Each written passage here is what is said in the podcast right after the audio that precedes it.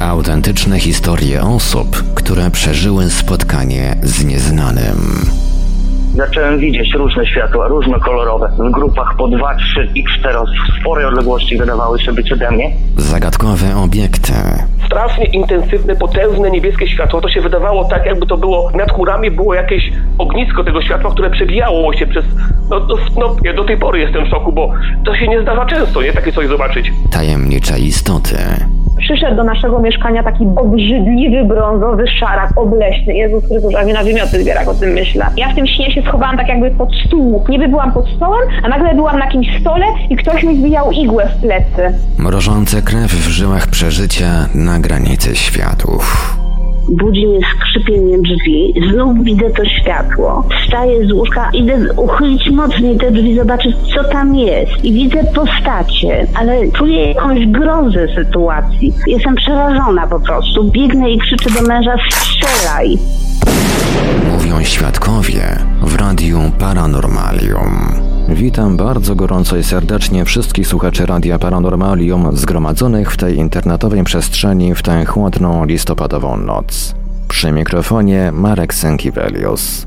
Zapraszam do wysłuchania kolejnego 38 już odcinka podcastu Mówią Świadkowie, który dziś w całości wypełniał relacje o obserwacjach UFO. Dzisiejsza audycja będzie podzielona na dwie części. W pierwszej zaprezentowane zostaną wybrane relacje nadesłane drogą tekstową, w drugiej zaś usłyszymy zarejestrowane wypowiedzi dwóch świadków, którzy zgodzili się opisać dokonane przez siebie obserwacje swoim własnym głosem. Niektórym relacjom będą towarzyszyły materiały ilustracyjne nadesłane przez autorów. Tradycyjnie, zanim przejdziemy do prezentacji przygotowanych na dziś relacji, pozwólcie Państwo, że przypomnę kontakty do Radia Paranormalium. Być może komuś przypomni się jakaś obserwacja UFO, bądź inne dziwne zdarzenie, którym zechce się podzielić. Tych z Państwa, którzy przeżyli coś nietypowego i chcieliby nam o tym opowiedzieć, zapraszamy do kontaktu. Nasze numery telefonów to stacjonarny 32 746 0008, 32 746 0008, komórkowy 530 620 493, 530 620 493, skype radio.paranormalium.pl radio.paranormalium.pl Numer gadu gadu 36 08 8002 36 08 8002 Można również kontaktować się za pośrednictwem naszego fanpage'a na Facebooku pod adresem facebook.com ukośnik Radio Paranormalium. Czekamy także na Państwa e-maile pod adresem radiomałpa-paranormalium.pl radiomałpa-paranormalium.pl W razie gdyby pod naszymi telefonami nikt nie dyżurował, istnieje możliwość nagrania wiadomości głosowej. Bardzo serdecznie prosimy sprecyzować, w jakiej sprawie chcą się Państwo z nami skontaktować. Słuchaczy dzwoniących z numerów zastrzeżonych prosimy ponadto o podanie numeru, na który mamy oddzwonić. Wszystkim świadkom gwarantujemy pełną anonimowość. I teraz z czystym sumieniem mogę swoim skromnym głosem zaprezentować Państwu wybrane relacje nadesłane drogą tekstową. Załączniki do relacji będą wyświetlone na wideo, a jeśli słuchacie Państwo MP3, to linki do załączników będą wstawione do opisu tego odcinka w naszym archiwum. Zapraszam do słuchania. Korespondencja nadesłana 13 września 2020 roku. Stacja kolejowa Aleksandrów Kujawski. Luty 2011 roku, godzina 20. Czekam na pociąg. Nic ciekawego dookoła, więc patrzę w bezchmurne niebo. Idealnie nade mną ze wschodu na zachód leci trójkąt. Jakbym przełożyć do samolotów rejsowych latających na pułapie 10 do 11 tysięcy metrów, to by się nałożył idealnie. Więc raczej wyglądał na obiekt odległy i niewybitnie wielki i poruszał się z taką samą prędkością jak samolot, więc przez chwilę było go widać. Cały był wypełniony ciemnoczerwonym kolorem, jak brykiet na grillu. Żadnego migotania czy artefaktów na krawędzi. Świecił w jednostajny sposób przez całą obserwację. Nie zniknął mi z oczu, tylko przestałem obserwować. Oczywiście nie miał żadnego wpływu na otoczenie czy na mnie. Po prostu podnoszę łeb i myślę: o, ufoki lecą. Korespondencja nadesłana do Radia Paranormalium 16 marca 2019 roku. Witam serdecznie. Latem 2017 roku byliśmy na wakacjach we Włoszech, m.in. w Rimini. Właśnie tam pewnego wieczoru znajomi z pokoju obok zawołali nas, mnie i męża, żebyśmy przyszli do nich na balkon i zobaczyli coś. No i zobaczyliśmy. Nie mogliśmy przyporządkować tego czegoś do żadnej kategorii znanych nam oczywistych zjawisk. Samolot? Nie, bo za nisko, za blisko i za małe. Chmura? Nie, bo za małe, nie taki kształt. Nie zmieniało to kształtu, przesuwało się za szybko. Dym również nie, bo było to za małe na kłąb dymu. Nie zmieniało kształtu. Ptak również nie, bo nie było ruchu, leciało prostoliniowo, nie zmieniało kierunku. Dron także nie, bo nie taki kształt. Podsumowując, coś było raczej nisko, nie jak samolot, bardziej jak ptak. Leciało ze średnią prędkością, ale na tyle wolno, że znajomi zdążyli nas zawołać. My przyszliśmy, zobaczyliśmy to coś, a córka znajomych zdążyła zrobić zdjęcie. Nie było słychać żadnych odgłosów, coś poruszało się stabilnie po linii prostej. Dla nas wszystkich pięć osób to coś wyglądało jak Baba Jaga, czarownica na miotle. Przesyłam wam to zdjęcie oczywiście z racji tematyki, jaką się zajmujecie. Ja sama też interesuję się tymi tematami praktycznie od zawsze. Sama miałam kilka dziwnych zdarzeń w moim życiu. Zdjęcie nie jest żadnym żartem, fotomontażem itd. Tak może dostaliście podobne zdjęcia od innych osób, a może macie jakieś wytłumaczenie, czym jest to coś na zdjęciu. Pozdrawiam serdecznie, wasza fanka.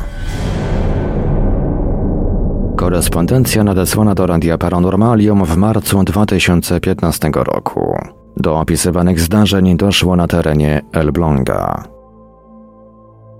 Dwa razy w życiu widziałem UFO. Pierwszy raz w wieku 6 lat, gdy nawet nie miałem o tym zjawisku pojęcia, a kolejnym razem podczas zimowej nocy na czystym niebie. Mam na to świadków. Za pierwszym razem było to wtedy, gdy miałem 6 lat, czyli coś około 1982 roku. Mama prowadziła mnie do przedszkola. Nad latarnią w oddali na niebie zauważyłem coś. Wtedy nawet nie potrafiłem tego nazwać. Było to po prostu coś. Coś, co utkwiło w mojej pamięci i dopiero po kilkunastu latach byłem w stanie to nazwać. Jak wyglądało? Jak UFO w części spodniej szerokie i płaskie, tak zwany talerz. Z niego w górę wystawała nadbudówka, raczej zakończona spiczasto niż aerodynamicznie opływowo. Na tej wystającej części były kolorowe kwadratowe światła lub okna. Wygląd tego obiektu mogę chyba przyrównać do tak zwanego UFO Hitlera.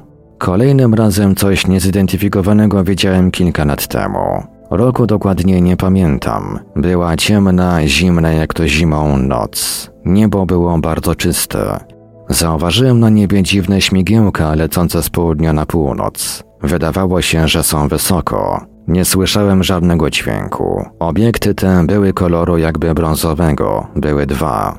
Najciekawsze z tego wszystkiego jest to, jak się poruszały. Właśnie to dziwne zachowanie wyklucza, że były to helikoptery lub inne znane mi obiekty.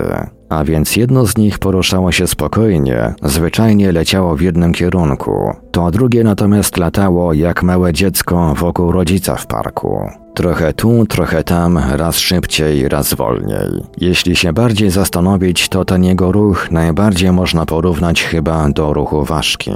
Inną ciekawą rzeczą jest opowieść moich rodziców właśnie z okresu, gdy miałem jak sądzę te 6 lat. Kiedy mówiłem im, że z boku szafy stojącej na przedpokoju, a którą widać z pokoju rodziców, wystają głowy małych, szarych ludzików i że boję się tam iść. Ja sam tą sytuację pamiętam. Nie pamiętam dokładnego wyglądu tych ludzików, ale wiem, że było ich kilku. Byli niewysocy. Mieli tak około jednego metra. Wiem, że widziałem ich tylko jeden raz. Wystawiali głowy z za szafy i patrzyli na mnie. Wydawać się to może śmieszne, ale tak było.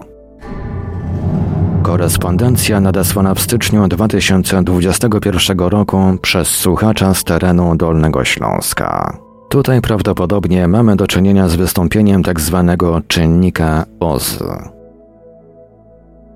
Dzień dobry. Odkryłem Wasze audycje przez przypadek na Spotify i muszę przyznać, że z zapałem przesłuchuję wszystkie prowadzone przez Was debaty.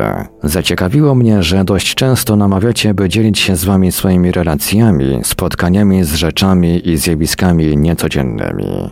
Moje doznanie sprzed wielu lat było prawdziwym preludium do świata UFO i tym podobnych tematów. Na wstępie pragnę zaznaczyć, że historia miała miejsce wiele lat temu i jej obraz może być nieco zniekształcony, jednak widok i uczucie, jakie mi towarzyszyło, siedzą gdzieś cały czas z tyłu mojej głowy.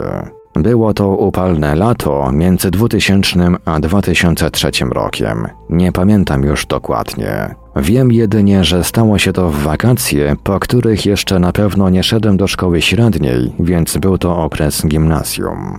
Od zawsze lubiłem sport. Za młodzika trenowałem piłkę nożną i biegi na długich dystansach. Byłem dość dziwnym młodzikiem, jeśli chodzi o nieopuszczenie treningu. Tego dnia cały dzień pracowałem w polu, takie dorabianie wakacyjne. Pod wieczór trening piłki, kolacyjka i spać. Gdy leżałem w łóżku, olśniło mnie, że nie byłem jeszcze biegać. Wskoczyłem więc w trampki i wymknąłem się z domu. Była późna godzina, 22, może 23. Noc była niemożliwie jasna za sprawą pełni księżyca. Biegłem polną drogą z tyłu mojej wsi. W pewnym momencie od strony lasu w odległości około 600-800 metrów w linii prostej pojawiło się jasne niebieskie światło. Odwróciłem głowę i mnie zatkało. Na wysokości korony drzew pojawił się jakby eliptyczny, a zarazem nieregularny kształt. Światło było jasno-niebieskie. Dziś porównałbym je do świateł ksenonowych. Wówczas jednak było to dla mnie coś kompletnie nowego. Obiekt ten swobodnie opadał, aż będąc na wysokości rosnącego na polu zboża, zniknął, jakby został wyłączony za pomocą włącznika. Kilka chwil zerwałem się biegiem z powrotem do domu. Na drugi dzień opowiadałem kumplom na boisku o tym, co wiedziałem. Chłopaki, jak to chłopaki, pojebało cię, nie pij więcej. Tylko jeden miał coś konkretnego do powiedzenia. Wpierw adnotacja. Załączę mapkę. Jeden to moja pozycja. Dwa to światło. Trzy to mój kolega. Tej samej nocy na opuszczonym, nieużytkowanym składowisku śmieci właśnie ten kolega chciał spędzić mile chwilę ze swoją dziewczyną. Ale jak on stwierdził, jakiś chuj wyjechał w pole traktorem w środku nocy. Skwitowałem tylko, że po pierwsze taki traktor w środku nocy byłby raczej słyszalny, a po drugie lampy traktorów raczej nie zachowują się w ten sposób. Poszedłem w miejsce, gdzie pojawiło się światło. Na skraju lasu w pole pszenicy. Zboże w tym miejscu było nieregularnie położone. Nie jak przy kręgach, raczej jak po mocnej ulewie z porywistym wiatrem. W jednym tylko miejscu, w miejscu, gdzie opadało światło. W okolicznych lasach przebiegłem tysiące kilometrów. Tamtego dnia było inaczej. Nie umiem przywołać już wspomnień tego uczucia. Grobowa cisza, jak nigdy. Zero owadów, zero much, zero śpiewu ptaków. Z biegiem kolejnych dni okazało się, że jeszcze właściciel lokalnej pijalni piwa również zauważył mocne światło przez okno swojej knajpki. Od tamtego momentu minął już szmat czasu, a ja się cieszę, że mogę się tym podzielić z kimś, kto nie pomyśli o mnie jak o wariacie. Pozdrawiam całą ekipę ciepło i róbcie dalej to, co robicie. Zdarzenie z roku 2005. Witam. Na początku napiszę, że nigdy nie interesowało mnie UFO, zjawy itd. Tak nie mam o tym bladego pojęcia i zawsze twardo stąpałem po ziemi. Od lat wspominam zdarzenia z sierpnia 2005 roku i do dziś wszystkich przyprawia to dreszcze. Obserwacji dokonało ze mną jeszcze kilka osób. Kolega i dwie koleżanki. Mieliśmy wtedy naście lat. Jestem z rocznika 1988. Giewartów, bo tak nazywa się miejscowość, w której miało to miejsce, znana jest mi od lat. Jeździłem tam od siódmego roku życia z tatą do bazy nurkowej klubu PKDP. W 2005 roku rodzice zafundowali mi i mojej dziewczynie wyjazd nad jezioro na tydzień. Taki uroczy wyjazd dla dzieciaków za dobre wyniki w nauce. Z nami była jeszcze koleżanka mojej dziewczyny, jej kuzynka i ich kolega. Byliśmy młodzi, było grzecznie. Ja nigdy nie piłem alkoholu, nie mówiąc o gorszych używkach. Do dziś nie mam z tym nic wspólnego. Pewnego dnia, nie pamiętam dokładnie daty, o godzinie 21.30 spotkaliśmy się na pomoście przed klubem nurkowym PKDP w Giewartowie. Usiedliśmy na nim i czekaliśmy na zachód słońca, żeby łowić raki. Głupie zabawy. Siedzieliśmy wszyscy na pomoście, patrząc na drugi brzeg. Nagle popatrzyłem w głąb jeziora. Jezioro ma kształt litery Y. My byliśmy na samym dole, prawie w zatoce dennej jeziora. W oddali zobaczyłem wyraźną, bardzo wyraźną, choć bardzo odległą trąbę powietrzną. Byłem w szoku, bo myślałem, że takie rzeczy w naszym klimacie się nie przytrafiają. Ale widziałem wyraźnie wir powietrza, olbrzymi, jak na filmach. Pod nim uginała się woda i wytwarzała typowa mgiełka wodna, jak przy silnym szkwale. Pogoda była idealna, woda spokojna, zero wiatru, piękny pomarańczowy zachód słońca. Coś nie grało. Nie wiem, czy to pod wpływem szoku i lęku, ale miałem wrażenie, że zrobiło się bardzo cicho i spokojnie. Nagle zauważyłem, że my wszyscy to widzimy i patrzymy na to samo, ale nikt nic nie mówi. Popatrzyliśmy na siebie z kolegą i znów na ten wir.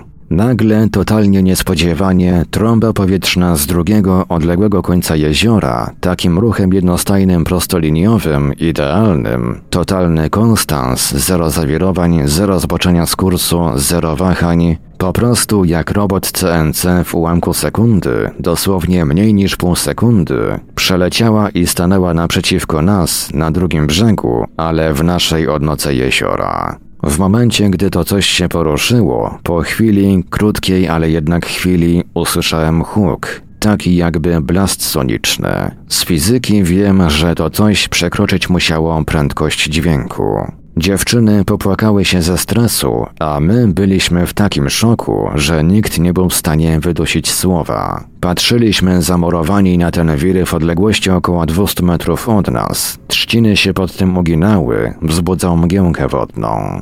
Pogoda była idealna. To nie mogła być trąba powietrzna. One nie poruszają się tak sztucznie i nienaturalnie przez całe jezioro, które ma kilka kilometrów. I to takim jednostajnym ruchem. Znam to jezioro jak własną kieszeń. Wychowywałem się tam, spędzałem tam wakacje od wielu lat. To coś przeleciało naprawdę ze dwa kilometry w ułamku sekundy, nie rozpędzając się, prawie jak teleport. Po chwili kotłowania wir znów przyspieszył i odleciał w taki sam błyskawiczny sposób w głąb zatoki. Tym razem też był blast soniczny, ale dużo szybciej słyszalny. Huk musiało słyszeć dużo ludzi. My uciekliśmy do domków przerażeni, totalnie przerażeni. Nikt nie wierzył w to, co wiedzieliśmy, jednak wszyscy widzieliśmy to samo. Po godzinie wróciliśmy nad brzeg i widać było, że dużo ludzi chodzi po krzakach z latarkami i jest jakieś dziwne poruszenie. Więcej ludzi musiało coś zobaczyć. My pobiegliśmy z tym do opiekuna ośrodka. Pan Ryszard opiekował się tym ośrodkiem dobrze od 20 lat. Taki dobry duch ośrodka, bardzo mądry i normalny gość, strasznie pracowity. Powiedział nam tylko, że on nieraz już tu dziwne rzeczy widział i nie robi to już na nim wrażenia. Dodam, że UFO czy duchy to ostatnia rzecz, w którą wierzę. Niedaleko Giewartowa jest lotnisko wojskowe, obecnie chyba baza NATO. Niemniej chyba niedaleko jest jakaś miejscowość, w której pojawiały się kręgi w zbożu. Być może nakryliśmy autora. Do dziś jestem w szoku i mam ciarki, jak o tym myślę. To było bardzo realne i widzieliśmy to wszyscy. Staram się myśleć, że to był jakiś tajny test drona naddźwiękowego czy coś w ten deseń, ale trudno to wszystko racjonalnie wytłumaczyć. To jezioro ma dużo tajemnic. Wiele razy w nim nurkowałem. Zaczynając od tego, że jest to stare polodowcowe jezioro. Na dnie często wychodzą fanty po celtyckich osadach. Jest wiele legend o ludziach i ich tragicznych historiach.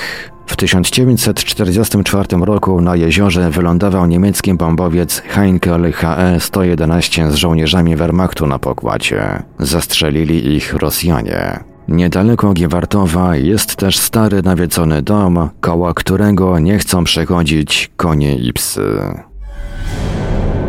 Relacja nadesłana do Radia Paranormalium na początku roku 2017.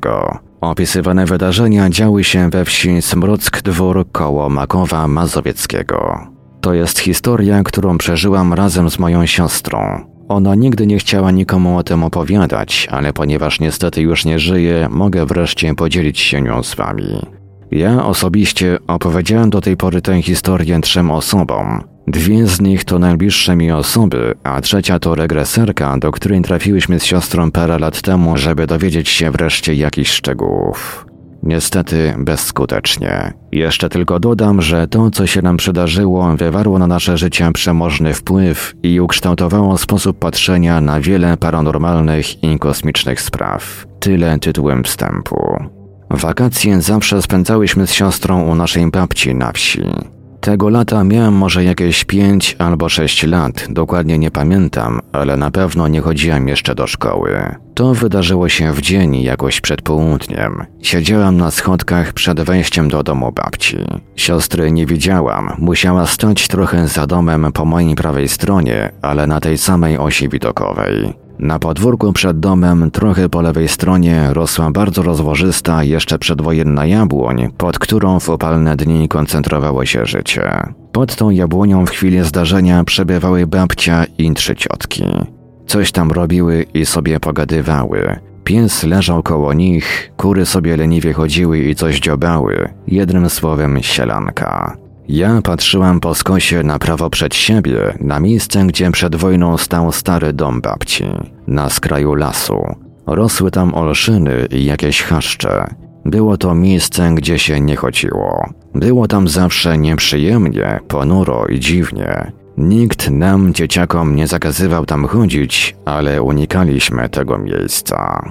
Od miejsca, w którym siedziałam, dystans był może jakieś mniej niż pół kilometra. Można to zresztą sprawdzić na mapie. Nie wiem czemu akurat zaczęłam gapić się tam. Nie było tam nic ciekawego. Nie mogłam przestać. I w pewnym momencie stało się coś bardzo dziwnego. Dużo później zidentyfikowałem to zjawisko jako efekt Oz, ale wtedy nie miałem pojęcia o UFO i efektach ubocznych. Wrażenie było niesamowite, dziwne, ale nie byłam wystraszona. Poczułam się nagle, jakbym znalazła się w jakiejś szklanej bańce, w którym wszystko jakby zastygło i nastała wewnątrz tej bańki niesamowita cisza. Jednocześnie na zewnątrz tej bańki zaczęło się nagłe zamieszanie. Kury zaczęły biegać i gdakać, pies wyskoczył i zaczął ujadać biegając w kółko. Babcia i ciotki też jakoś nagle zaczęły pokrzykiwać coś i być takie podekscytowane. Dla mnie to było tak, jakby to wszystko, co działo się na zewnątrz tej bańki, działo się w przyspieszonym tempie, jak na szybko przewijanej taśmie.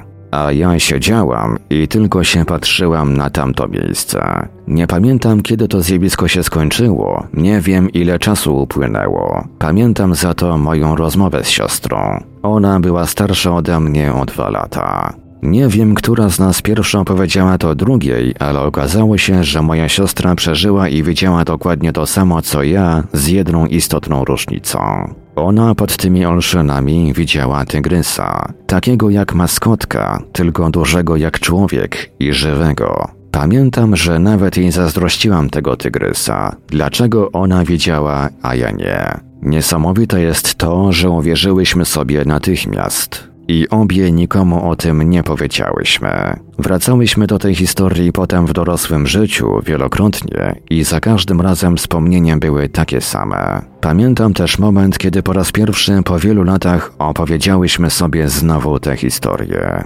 Wspomnienia były i są nadal takie świeże, jakby zdarzyło się to wczoraj. Szczegóły takie same, wrażenia takie same. Co nam się przydarzyło? Powinnam chyba jeszcze dodać, że w tamtej okolicy działy się różne dziwne rzeczy i zarówno babcia, jak i ciotki często opowiadały historie o przykład dziwnych pojazdach na niebie. Żadna z nich nie słyszała o zjawisku UFO, kosmitach, a telewizji wtedy nie było. A mojej mamie, jak była dzieckiem, przetrafiały się nocne wizyty wysokich, ubranych na srebrzyście biało ludzi, jakby w skafandrach. Budziła się w środku nocy, a oni pochylali się nad jej łóżkiem i mówili coś takiego: Cii, śpi, dziecko, śpi, nie bój się. Mama jakoś nigdy nie uznała tych istot za na przykład anioły i nie mogła nikomu o tym powiedzieć. Gdy chciała komuś o tym opowiedzieć, to czuła taką blokadę, że nie byłam w stanie wydobyć z siebie słowa, albo zaczynała mówić coś zupełnie innego. Dopiero jak już my z siostrą byłyśmy bardzo dorosłe, opowiedziała nam tę historię. I chyba nikomu innemu. Korespondencja nadesłana do Radia Paranormalium 23 stycznia 2020 roku. Witam. Od pewnego czasu zacząłem słuchać Państwa audycji, włączając je sobie na YouTube.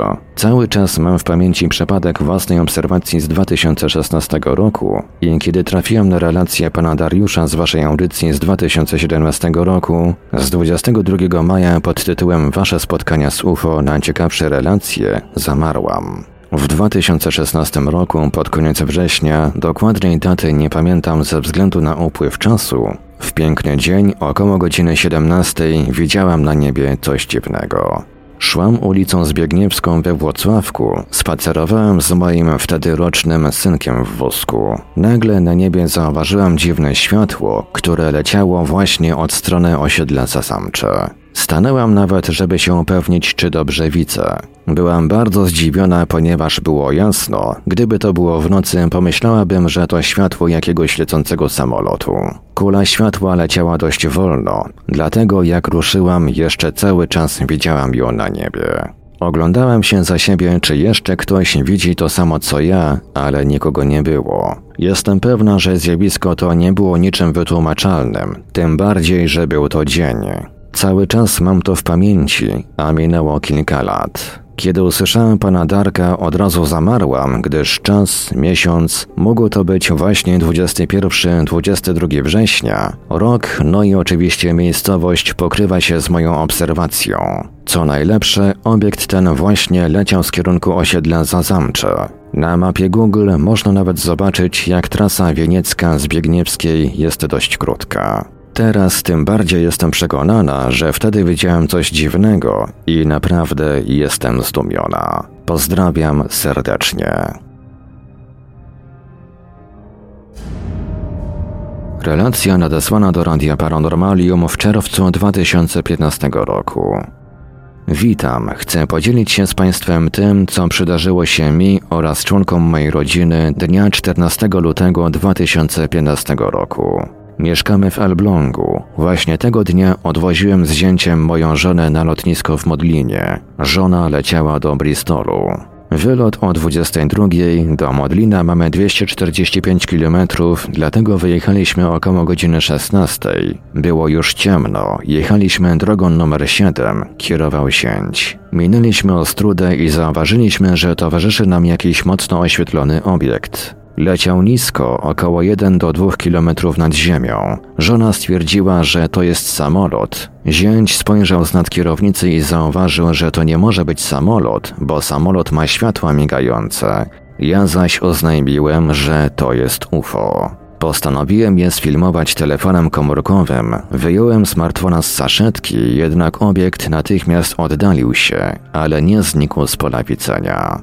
Było ciemno, byłem też podekscytowany, ręce mi się trzęsły z wrażenia i nie wiedziałem, czy to, co filmuję i nagrywam, będzie widoczne. W końcu znudziło mi się filmowanie w czasie jazdy. Gdy schowałem smartfona, obiekt znowu przybliżył się, tak jakby ktoś będący w obiekcie nie chciał, abym ten obiekt sfilmował z bliska. Towarzyszył nam aż do Modlina. Gdy żona wróciła z Anglii, pokazałem jej zdjęcia i filmy. Była zaskoczona i nie chciała na ten temat rozmawiać. Obiekt wyglądał jak mała gwiazda i tak go filmowałem, jednak później użyłem zoomu i filmowałem w powiększeniu. To już nie była mała gwiazda. Pewnego razu usiedliśmy z żoną i zięciem i wspominaliśmy ten obiekt. Powiedziałem, że szkoda, że żeśmy się nie zatrzymali, aby dokładnie go sfilmować, Jednak zięć stwierdził, że zatrzymaliśmy się na jakiejś stacji paliw, aby skorzystać z toalety. Wówczas obiekt zatrzymał się i wisiał nad samochodem. Gdy ruszyliśmy, obiekt też ruszył i leciał jakby był przyklejony do nas. To jest bardzo dziwne. Jestem pewien, że nie zatrzymywaliśmy się na toaletę. Żona niepewnym głosem potwierdziła to, co powiedział zięć, ale przy spotkaniach z UFO tak bywa. Muszę powiedzieć, że nie jest to moje pierwsze spotkanie z tymi obiektami. Miałem wiele spotkań. Po jednym ze spotkań z życiorysu zginęło mi 2 godziny 15 minut. Wtedy nie byłem sam, ale dowód mam tylko na to ostatnie spotkanie. Mógłbym z kimś porozmawiać o tych moich przygodach z UFO, bo ja nie tylko widziałem wówczas statki, ale ci, którzy nimi lecieli, nawiązali ze mną za pomocą jakiejś formy promieniowania, które odczuwałem na swoim ciele, kontakt bezpośrednio ze statków, którymi lecieli. To było podobne do telepatii. Ja wyraźnie słyszałem ich głos w języku polskim. Widziałem tylko ich trzy statki, a oni odpowiadali na moje myśli. Przedstawili się, powiedzieli kim są, skąd pochodzą i dlaczego wybrali sobie mnie, aby ze mną porozmawiać. Za każdym razem widziałem inny rodzaj statków. Raz nawet widziałem miasto niebiańskie. I za każdym razem, gdy był kontakt bezpośredni, wówczas czułem jakieś promieniowanie, umożliwiające rozmowę w dwie strony. Zawsze odpowiadali na moje myśli, a ja dokładnie słyszałem to, co mi mówili. Słyszałem ich nie uszami, tylko jakoś tak całym ciałem. Wówczas ich statki leciały wolno i nisko nad dachami bloków mieszkalnych. Może sobie pomyślicie, że moja psychika szwankuje, ale dowodem są filmy z ostatniego spotkania, które nagrałem i świadkowie, zięć i żona. Miałem włączony GPS, dlatego w informacji zdjęciowej widnieje szerokość i wysokość geograficzna, godzina 17, miejsce, okolice Niedzicy i temu podobne. Po latach udało mi się nawiązać ponownie kontakt z autorem tej relacji. Z uzyskanych od niego informacji wynika, iż wspomniane w relacji nagranie wideo nie zachowało się. Zostało bowiem skasowane na wyraźne żądanie jego żony, która obawiała się jakichś konsekwencji mogących wynikać z faktu jego posiadania. Relacja nadesłana do Radia Paranormalium w sierpniu 2015 roku. Witam serdecznie. Kiedyś doznałem dziwnego zjawiska i sytuacji, które towarzyszy mi do dnia dzisiejszego i mimo, że mija kilkadziesiąt lat, to wciąż wracam do tamtych wydarzeń. Było to w Elblągu około roku 1985 lub 87, jeśli pamięć mnie nie zawodzi.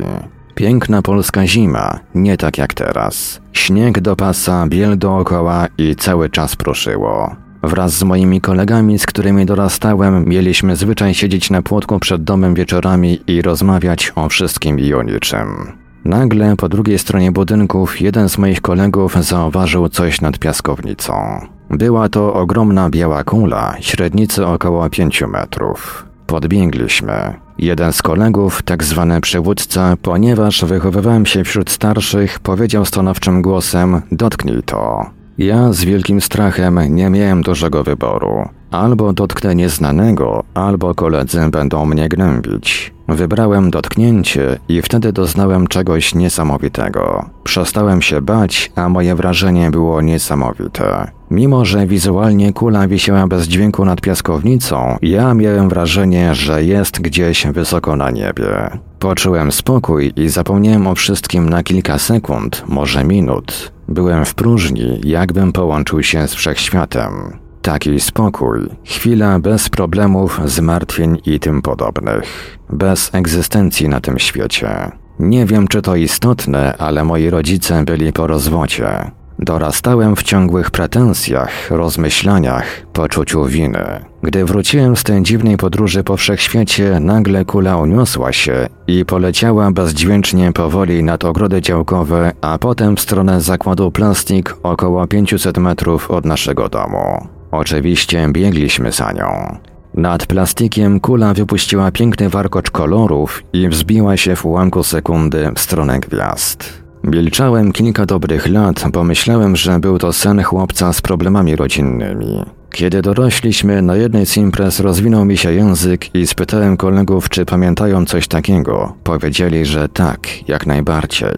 Milczeliśmy tyle lat, bo każdy myślał, że reszta będzie się wyśmiewać. Pomyślałem, czyli to prawda to, co przeżyliśmy. Dorosłem, założyłem rodzinę. Jakież było moje zdziwienie, kiedy oglądając w telewizji show ze świętej pamięci redaktorem Kazimierzem Bzowskim usłyszałem o incydencie elbląskim.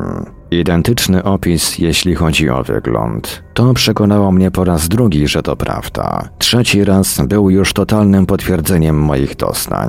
Oglądałem z moją żoną i mamusią Discovery i nagle mówią o incydencie w Kaliningradzie, bardzo blisko Elbląga. Ludzie opisywali to zjawisko identycznie, tak jak ja je opisałem. Zrozumiałem, że tamtego wieczoru nie byłem sam. Nie wiem tylko, czy ktoś doznał tego, co ja, kiedy próbowałem tego dotknąć. Proszę o anonimowość, ponieważ społeczeństwo nie rozumie, czym jest świat, wszechświat, zjawiska paranormalne i tym podobne.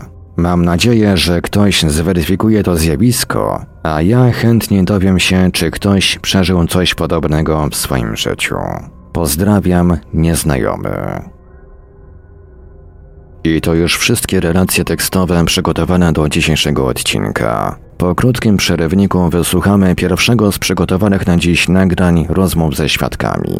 Radio Paranormalium, paranormalny głos w Twoim domu. Zostańcie Państwo z nami. Mówią, że włączyć radio jest bardzo łatwo. No tylko, że z wyłączeniem jest już, powiedzmy, troszeczkę gorzej. Posłuchaj nieznanego. Radio Paranormalium. www.paranormalium.pl Pisz artykuły, rozmawiaj z czytelnikami, moderuj komentarze i poczuj się jak redaktor. Załóż bloga na Paranormalium. Więcej dowiesz się w dziale blogi na www.paranormalium.pl.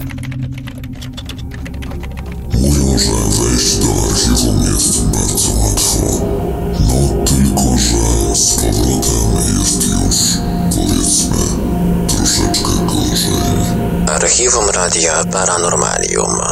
www.paranormalium.pl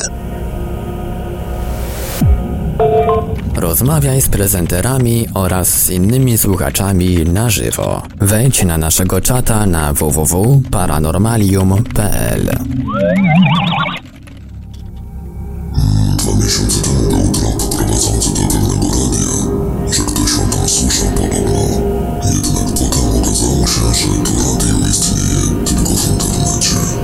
Radio Paranormalium. Paranormalny głos w Twoim domu. www.paranormalium.pl Autentyczne historie osób, które przeżyły spotkanie z nieznanym. Zagadkowe obiekty, tajemnicze istoty, mrożące krew w żyłach przeżycia na granicy światów. Mówią świadkowie w Radiu Paranormalium. W drugiej części dzisiejszej audycji wysłuchamy rozmowę ze słuchaczem z Torunia, który podzielił się kilkoma obserwacjami UFO sprzed lat. Chodzi o osiedle Rubinkowo. To jest takie blokowisko wybudowane za komuny. W latach 80.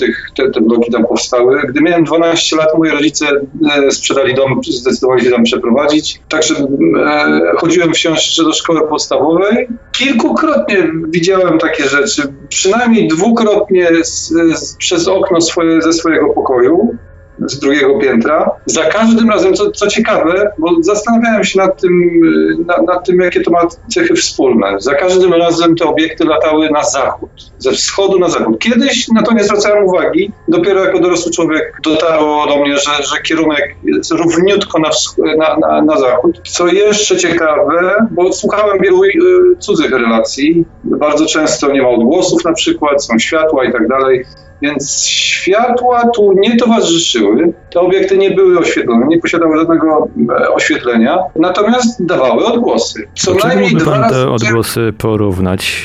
Powiem tak, mam wrażenie, że jakieś e, samoloty próbowały się z tym gonić, e, przynajmniej podczas jednej lub dwóch obserwacji. To już lata minęły, także nie jestem pewien, ile razy te myśliwce słyszałem. Natomiast no, samoloty myśliwskie było słychać w powietrzu, towarzyszące przy, po, tuż po przelocie tych, tych obiektów słychać było samoloty myśliwskie. Czyli tak jakby nie, nie do końca wiadomo, czy ten dźwięk pochodził z tych obiektów, czy z tych e, Dokładnie, samolotów. zga, zgadzam się, tak jest.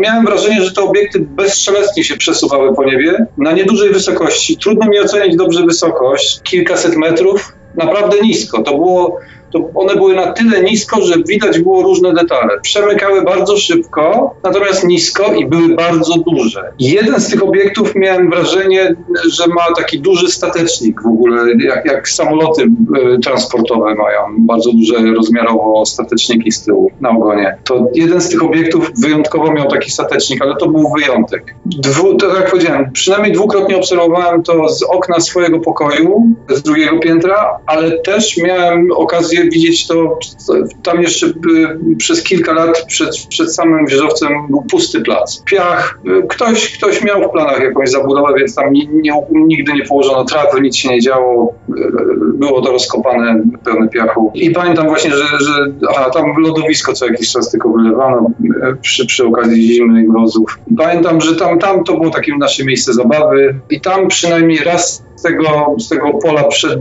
między blokami miałem okazję to zobaczyć wspólnie z kolegą nawet. Także to nie były jakieś moje pozazmysłowe wrażenia, tylko, tylko z, z moim kolegą, z którym chodziłem wspólnie do, do, do jednej klasy, e, obserwowaliśmy to. Przy czym on jakby jego, jego interpretacja była, że to, a to, to samoloty jakieś, może rosyjskie albo coś, coś takiego. Jego reakcja była, że to lotnictwo. Natomiast no, no, e, mnie uderzały rozmiary tych, tych, e, tych obiektów. Były naprawdę bardzo duże.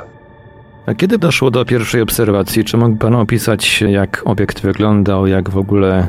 Bo e, jak się zachował, ten mniej więcej wiemy, ale jak to wy- wszystko wyglądało, kiedy to, kiedy to było? I tu ciekawostka, za każdym razem było to zmierzchało się.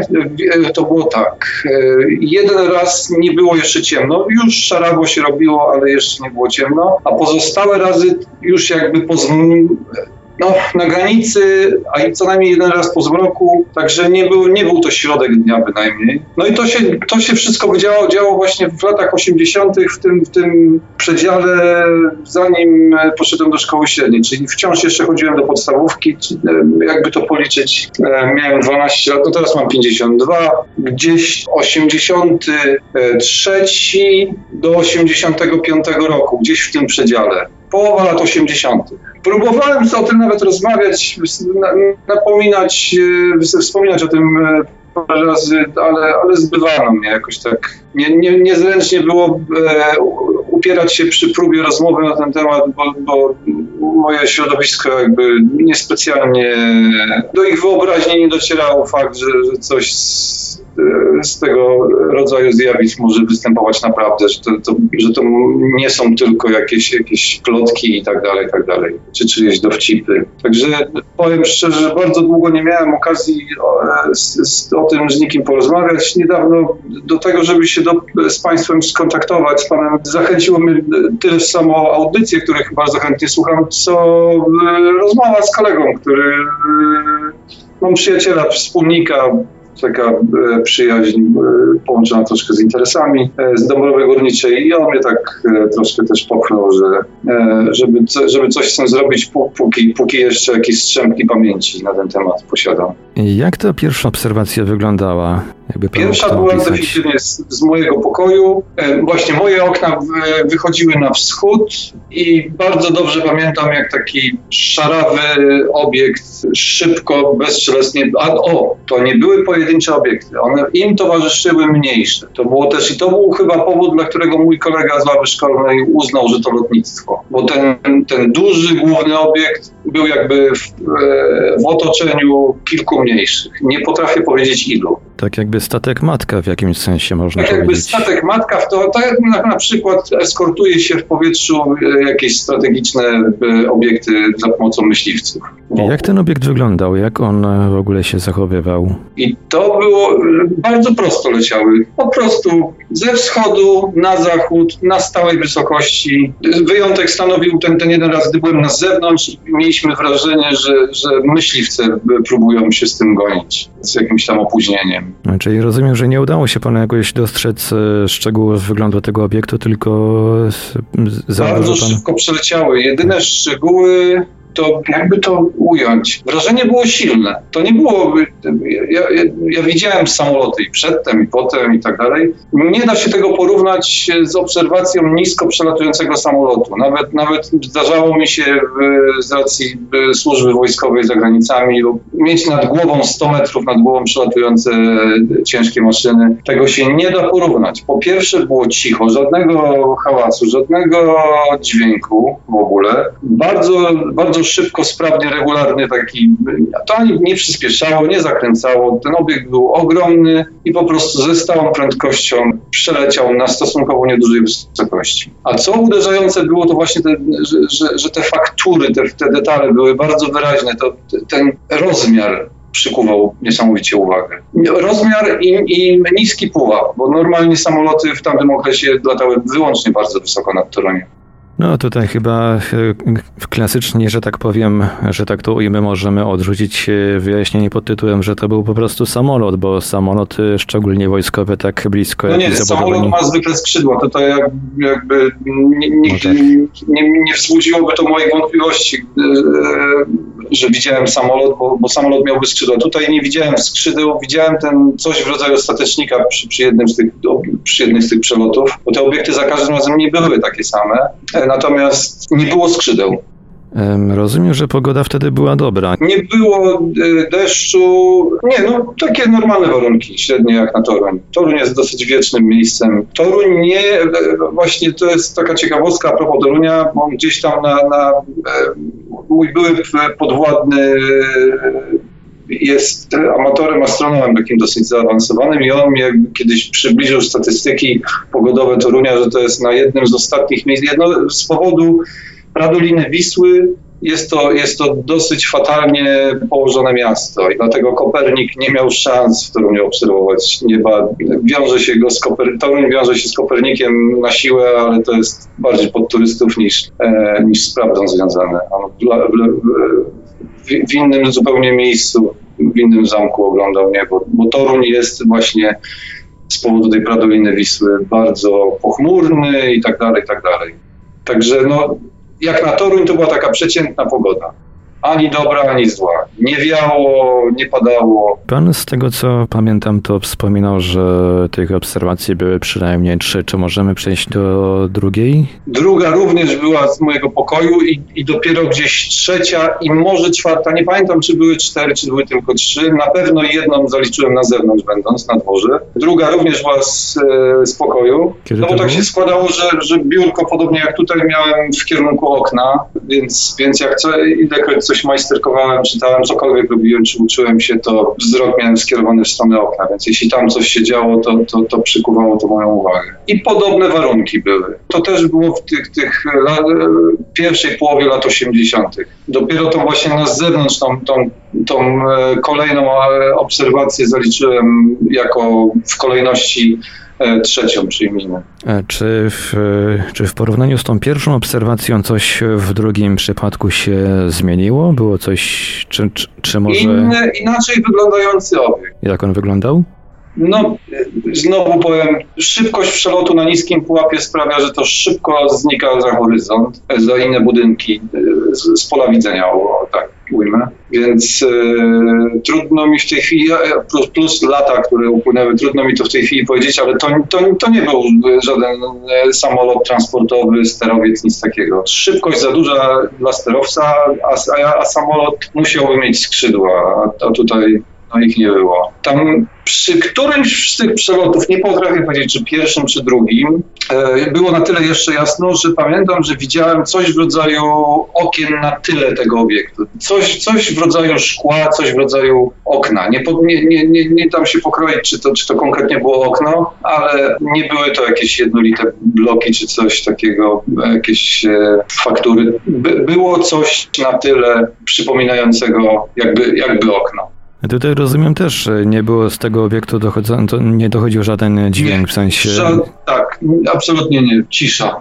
A jak wyglądała ta trzecia obserwacja? Bo to trzecia obserwacja trzecia, to już była ze trzecia co najmniej jednym świadkiem, była tak? tyle ciekawa, że, że wtedy, wtedy już myśli, wtedy jeszcze towarzyszyły temu samoloty i tu, i tu jakby logika mi podpowiada, że być może lotnictwo wojskowe miało, nie wiem, jakieś zadanie e, rozpoznać to, czy dogonić i tak dalej, uziemić cokolwiek. Także oprócz, oprócz samego obiektu, czy obiektów tych bezstrzelesnych, były też manewrujące samoloty myśliwskie. Więcej niż jeden.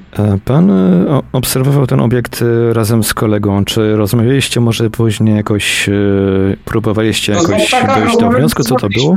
Zdumieni byliśmy właśnie tym, że to tak nisko. Kolega odniósł silne wrażenie, że to po prostu lotnictwo wojskowe. A kiedy do, tej, do tego zdarzenia doszło, mniej więcej? No to gdzieś tam 87 rok, ale to, to z, z tym lotnictwem to już było po zmroku. Panowie nie wiedzieliście, żeby tutaj jeszcze jacyś inni świadkowie to obserwowali? Nie, nie, nie, to była... Byliście tylko we dwaj? To, tak, ty, tylko my dwaj, dwóch chłopców pod, pod, koniec podstawówki. To była tak, to była specyfika tego osiedla.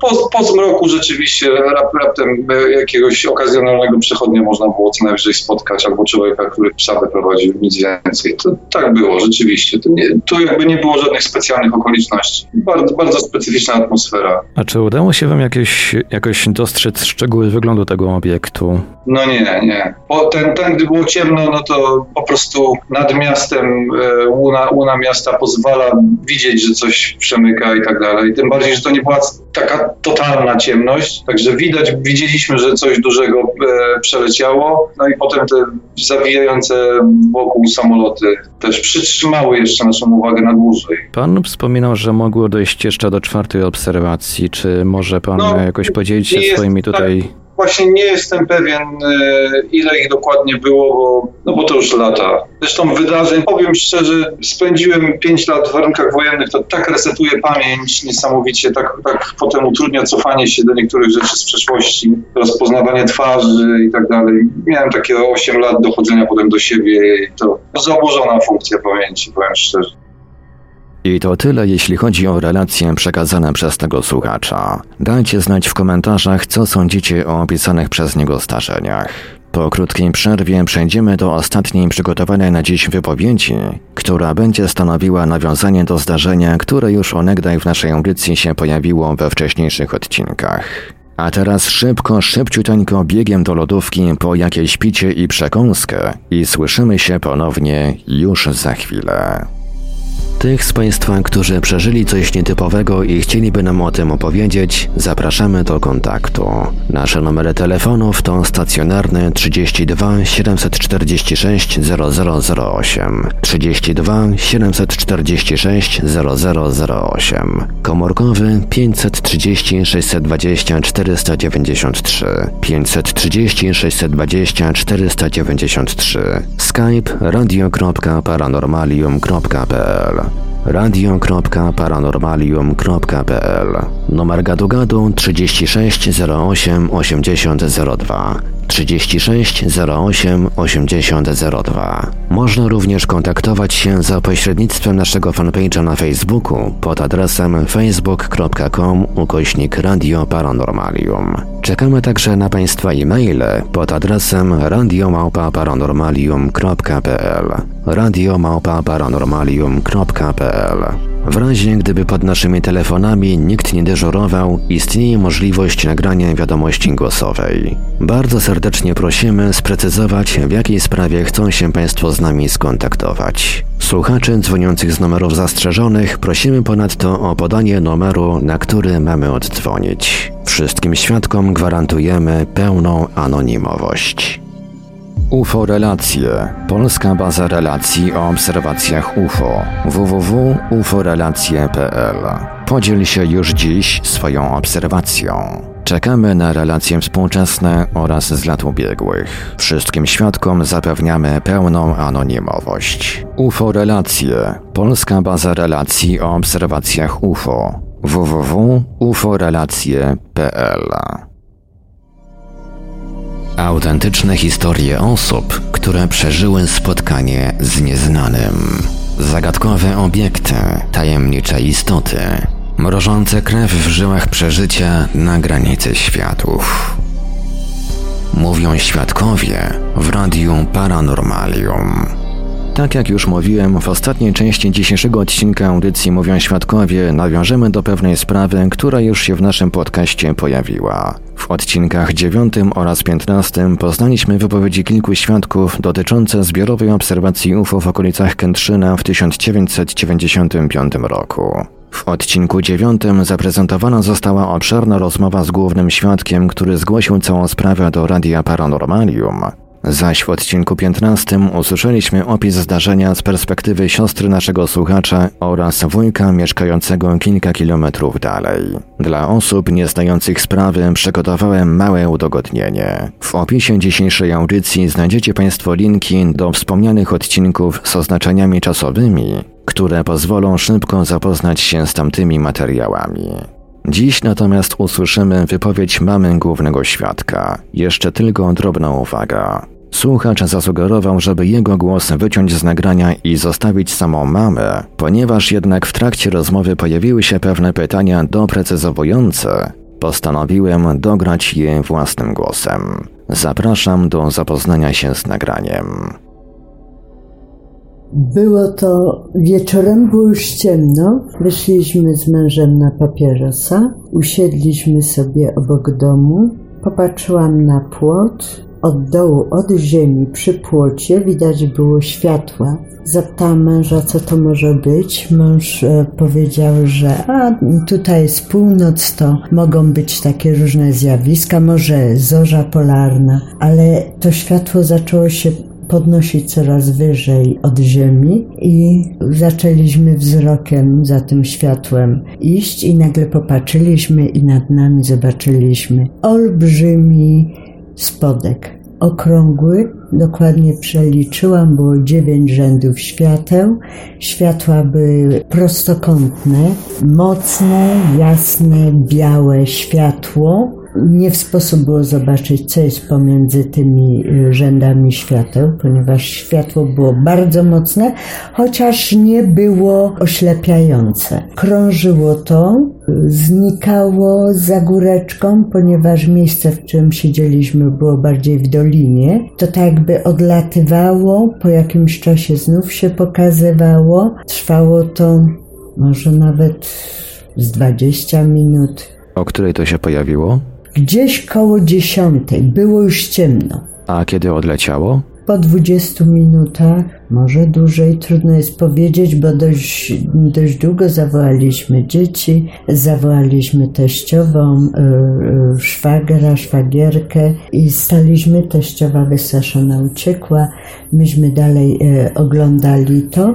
Jedno, co było ciekawe, że rozganiało to chmury, jak dolatywało, bezszelestnie i w momencie, kiedy już całkowicie odleciało, było takie sz i wtedy szybciutko, wtedy szybko y, znikło. Był szum, i znikło.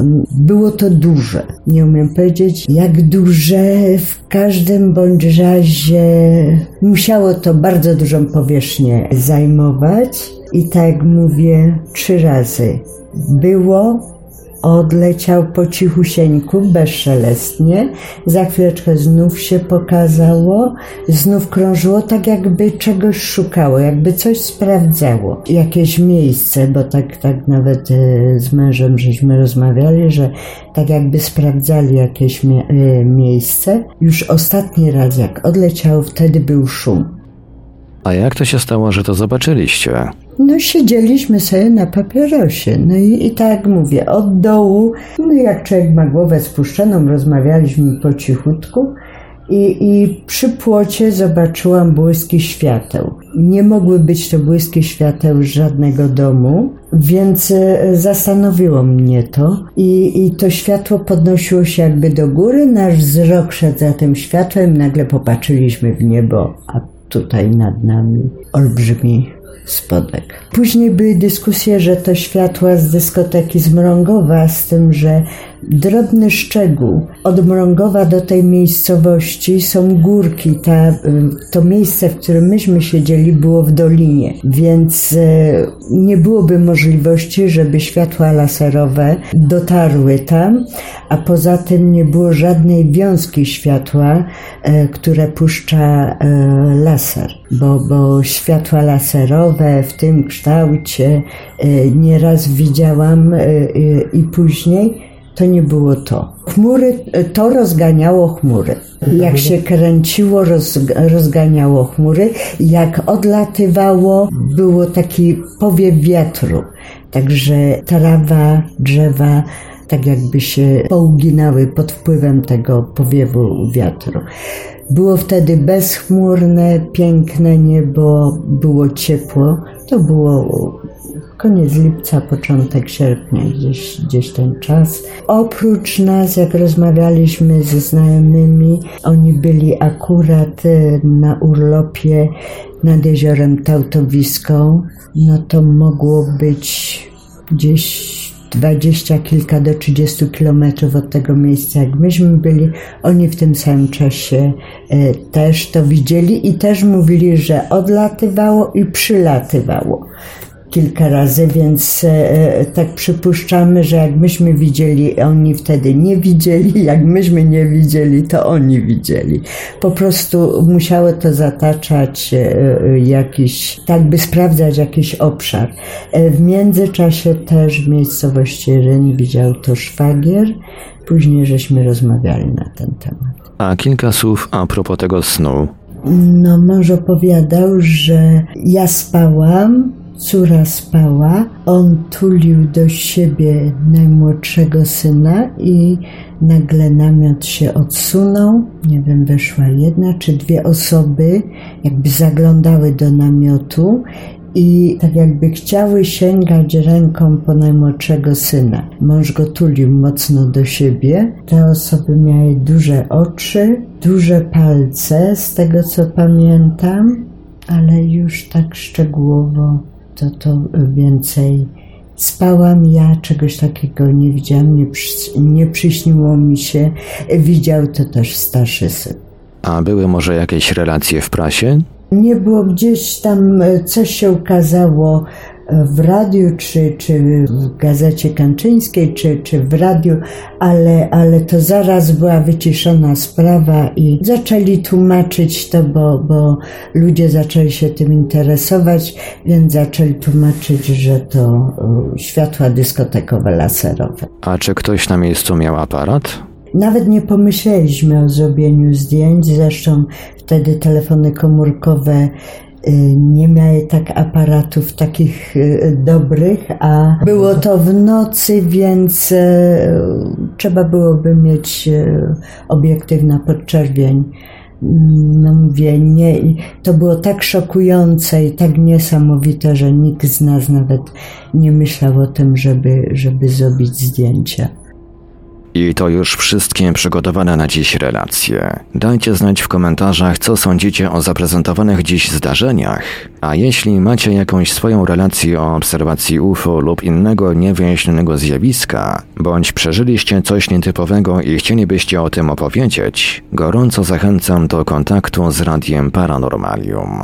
Mówił do Państwa Marek Sękiewelios. Radio Paranormalium, paranormalny głos w Twoim domu. Dziękuję za uwagę, dobranoc i do usłyszenia w kolejnych naszych audycjach. Śledźcie zapowiedzi nadchodzących audycji na naszej stronie internetowej www.paranormalium.pl oraz na naszych profilach na Facebooku i YouTube. Tych z Państwa, którzy przeżyli coś nietypowego i chcieliby nam o tym opowiedzieć, zapraszamy do kontaktu.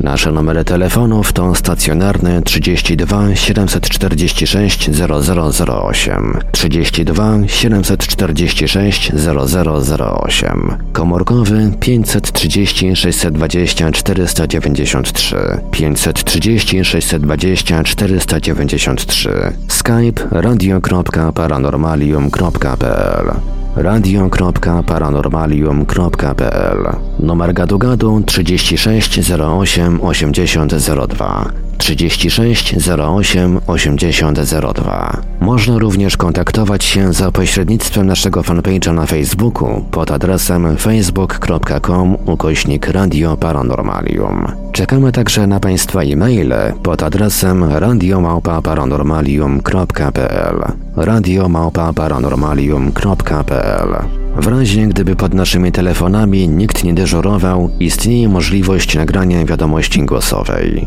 Bardzo serdecznie prosimy sprecyzować, w jakiej sprawie chcą się Państwo z nami skontaktować. Słuchaczy dzwoniących z numerów zastrzeżonych prosimy ponadto o podanie numeru, na który mamy oddzwonić. Wszystkim świadkom gwarantujemy pełną anonimowość. UFO Relacje. Polska baza relacji o obserwacjach UFO. www.uforelacje.pl. Podziel się już dziś swoją obserwacją. Czekamy na relacje współczesne oraz z lat ubiegłych. Wszystkim świadkom zapewniamy pełną anonimowość. UFO Relacje. Polska baza relacji o obserwacjach UFO. www.uforelacje.pl